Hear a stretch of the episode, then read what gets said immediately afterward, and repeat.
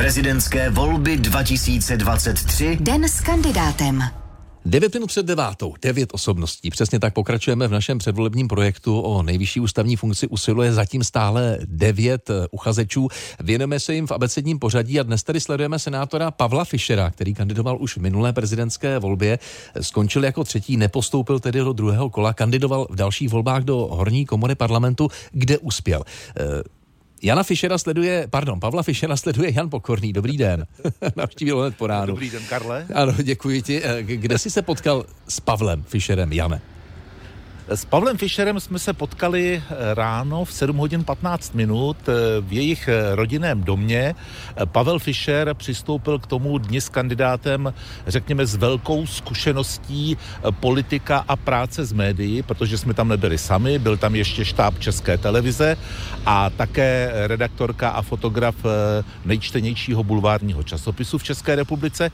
No a sami jsme si říkali, jak my se tam vejdeme k těm Fischerům, ale vešli jsme se tam, přišli jsme do útulného obýváku, kde hořela krbová kamna a kde Pavel Fischer v bílém tričku s nápisem Olympijské hry v Pekingu, pod kterým byl ale podtitul, který odsuzoval porušení, porušování lidských práv, právě připravoval těsto k pečení chleba a na ručním mlínku eh, mlel kávu, byla tam i paní Fischerová, později se přidali i dvě dcery Fischerových a jejich syn s přítelkyní, takže tam za chvíli nebylo k hnutí. E, myslím si, že Pavel Fischer přistoupil k tomu dni s kandidátem velmi profesionálně. A o čem jste se tak v tomhle aranžmá po ránu bavili? No, eh, my se s Pavlem Fischerem trochu známe, protože on působil v roce 2010 jako velvyslanec České republiky ve Francii. No tak eh, samozřejmě, když míchal to těsto eh, na chleba z žitné a pšeničné mouky, tak přišla řeč na to, že před dvěma dny se vlastně dostala francouzská bageta na seznam nehmotného kulturního dědictví UNESCO, tak, tak jsme to probrali a přemýšleli jsme o tom, jestli v České republice se dá taky udělat dobrá francouzská bageta. No pokud se nepletu tou dobou, ty jsi byl zpravodajem ve Francii. Eh, Jaký, Tam jsme se potkali, ano. jaký program čeká Pavla Fischera dnes? My jsme teď eh, na jedné čerpací stanici eh, na, na silnici, která vede do Českých Budějovic.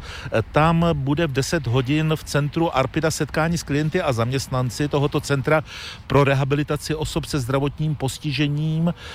Obědvá se v proslulé českobudějovické restauraci, která se, jejíž název se skládá ze dvou slov. Mhm. To druhé je Krámy a po 12. hodině navštívíme faru Dobrá voda, prohlídneme si ta, s Pavlem Fischerem tamní kostel a je tam i setkání s prezidentem diecézní Charity. Tak ať si nedáte něco moc eh, mastného. Honzo, připomeň ještě nějaké dobře, zajímavé momenty z dobře. životopisu stávajícího senátora, prosím pěkně. On má velmi bohatý životopis, studoval ve Švýcarsku, pak ve Francii, stejnou školu jako třeba nynější francouzský prezident Macron. Během prezidentství Václava Havla eh, působil v kanceláři prezidenta republiky i jako ředitel politického odboru. Od roku 2003, ano, do roku 2010 zastával právě funkci českého velvyslance ve Francii a v Monaku. No a v té prezidentské volbě v roce 2018 skončil na třetím místě se ziskem 520 tisí- 526 694 hlasů, což bylo tedy takových 10,2 desetiny procenta. No a potom, jak už si říkal, byl ve volbách do Senátu parlamentu České republiky v říjnu 2018 zvolen senátorem a působí tam dodnes jako předseda zahraničního výboru Horní komory. Jan Pokorný dnes sleduje kandidáta na prezidenta Pavla Fischera. Opět se nám přihlásí do dopoledního vysílání ještě před tím avizovaným obědem někdy po 11. hodině. Tak šťastnou cestu do Českých Budějovic a těšíme se na slyšenou. Děkuji, mějte se hezky, hezký den.